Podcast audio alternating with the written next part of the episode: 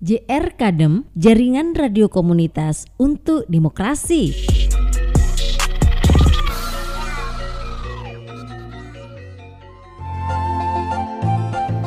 The challenges for women farmer as driver of family food security.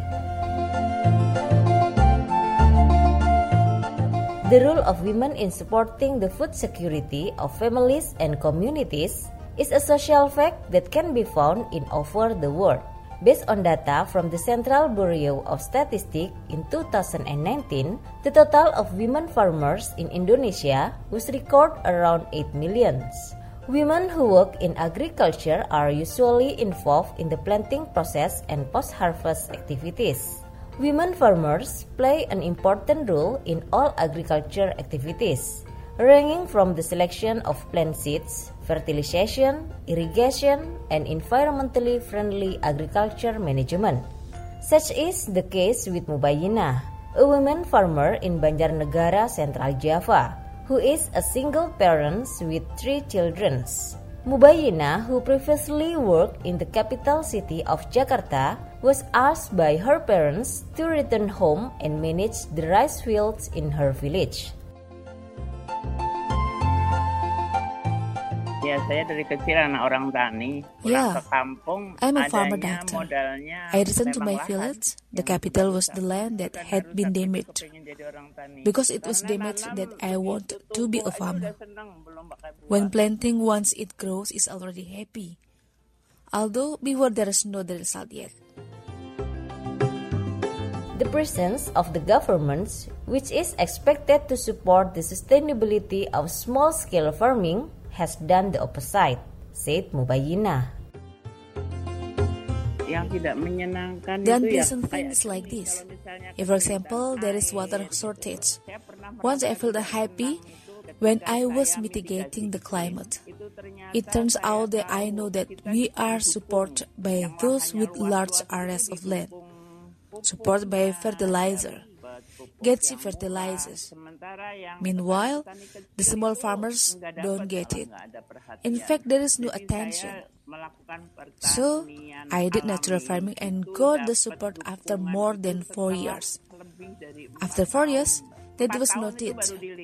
Baru dilirik. Sekarang No, thanks God, I'm happy that my terutama neighborhood, especially for fertilizers, fruit stimulants, and pest control is not longer rata-rata using chemicals. seputar saya sudah The patriarchal culture and gender inequality that often occur in the agriculture sector have marginalized the women farmers.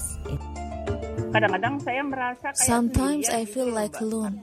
It means that these women are like being stepchildren. I joined a farmer group called Sidodadi Dua, but it's all men farmers.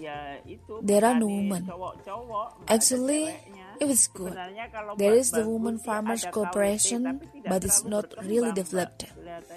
It doesn't seem to be noticed. Emang nggak ada- nggak There's really no attention. KWT itu bagusnya kan KWT memang is good for post harvesting. Kalau kelompok wanita The women's farmer group that are really farmers have not been paid attention. belum- belum terperhatikan. Smallholders, whether they are breeder of someone who are in agriculture, plantation.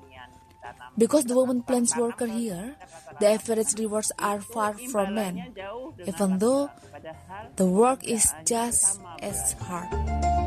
Mubayina hopes that women farmers can be stronger and more resilient than men farmer in order to become successful. Kalau saya sih kepenginnya perempuan petani According to me, I want ya to women farmer have to be two or three times more enthusiastic than the men, and then will they be noticed. The woman farmer, if they can be role as her mother care, the same as her children care, it will be successful. anak-anaknya She advised to all farmers to value seeds and be enthusiastic in planting. Eh, pesan saya My message if you really feel that you are a farmer, itu coba nomor try number one. Respect the Yakin seeds. bahwa kita juga Believe that we can also make our own seeds. Secondly, nanam. Be enthusiastic about planting. No matter what the name of the person planting, there is already a promise. However, picks it later, they already has the value of charity. That is what they must believe that being a farmer is a very noble job. Meanwhile, Dwi Astuti from Bina Desa in Jakarta revealed the inequality and injustice experienced by women in the agricultural sector. The FAO itself has conducted research around the world, including Indonesia, and it reveals that 70% of women around the world works in agriculture. But from the FAO's finding, the income earned by women is less than 20%. So there is inequality. It means that agricultural work carried out by women can be said uh, 30%, but the results are more than 30%. This is according to FAO data. So uh, that indicates that inequality, injustice, discrimination uh, to women, more especially uh, when we, we talk about uh, wage, the different wages between men and women is also happens because uh, women farmers got uh, low wages comparing with men. According to Dwi Astuti, the source of inequality that occurs among women farmers in the patriarchal culture that is still strong in society. In addition, the existence of agricultural capitalism that further worsen the fate of women farmers.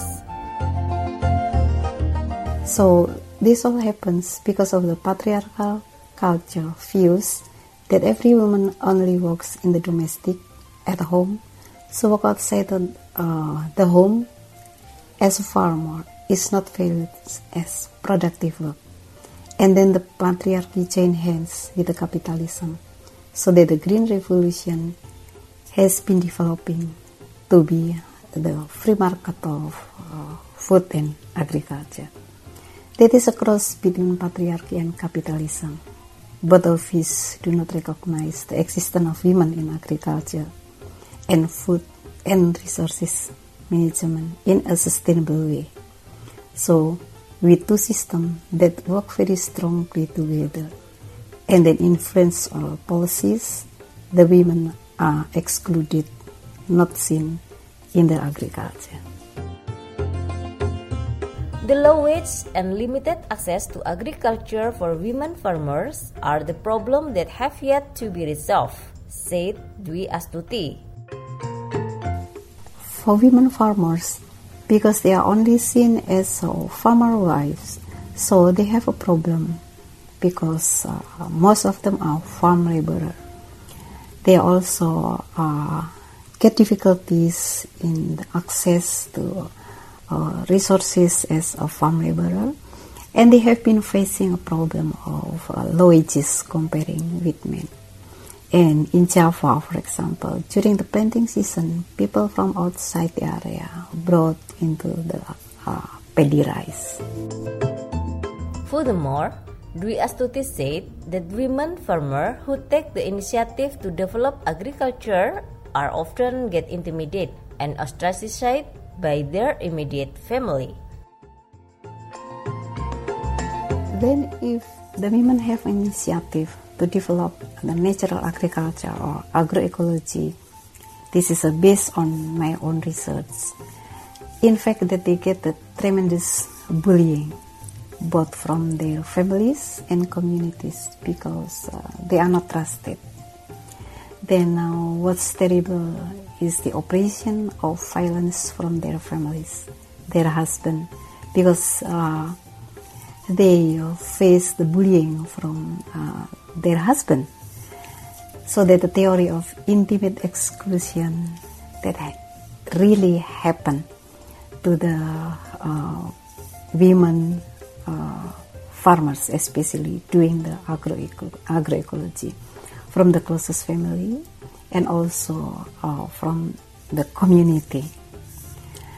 And uh, because of that, uh, they have limits uh, on how to be actively involved in this farming for natural farming in particular.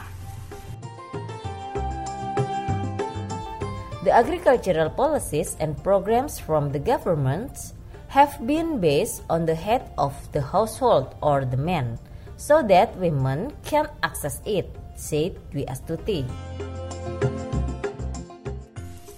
And when we talk about the chemical agriculture, that uh, also a great barrier for the women that is very important is about on how the agricultural policy the agricultural programs is based on the head of the household that is uh, men who can access the program in general for example for credit for seed and other agriculture inputs and also for agricultural training Moreover, the issue of production is land.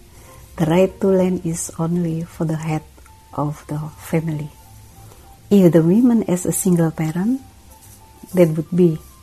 But if the woman still has a husband, the ownership rights are generally in the hands of her husband.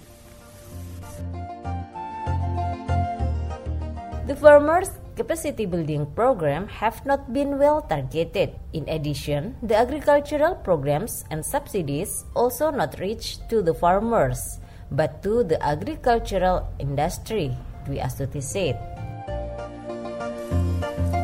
We found very often happens. For example, in Cianjur, West Java, and then in the community of South Sulawesi, that the husband who gets the education about agriculture, even though their wife have been doing all the agricultural works. So, how do women can develop their capacities if the capacity building program is not on the target? And in general, the agricultural programs or subsidies cannot reach to women farmers. Aside of the subsidies fall on to the agricultural industries.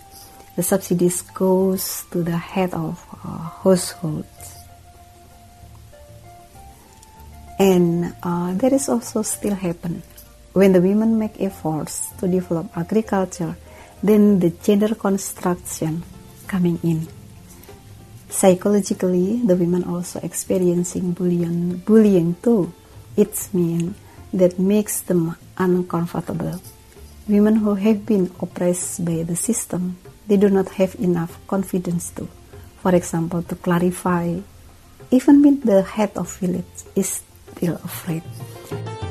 We Dwi Astuti reminds to all stakeholders that gender and women's issues in agriculture are the human rights issues.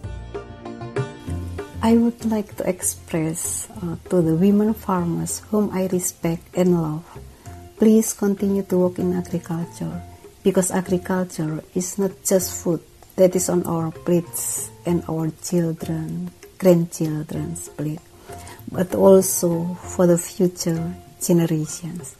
Food cannot be separated from the natural resources, agrarian resources, agriculture resources, be it land, sea, forests, swamps, and others we do really need agrarian reform for food sovereignty. And uh, in this context, I would like to remind all of us, activists, farmers, and the government, that women issues in the agriculture are human rights issues. And human rights in the 45 Constitution are for every citizen. So human rights activists should also raise the issues of gender injustice in agriculture and agrarian reform for food sovereignty. We hope the women farmers to be more empowered and resilient, so gender injustice should be eliminated from the environment of family, community, and policymakers. I'm Nur Hasana from GR Kadam delivering for you all. You are listening to joint production of GR Kadem and Aliansi Petani Indonesia, supported by the Food and Agriculture Organization of the United Nations for the UN Decade of Family Farming in partnership with AMAC Asia Pacific and Comdev Asia.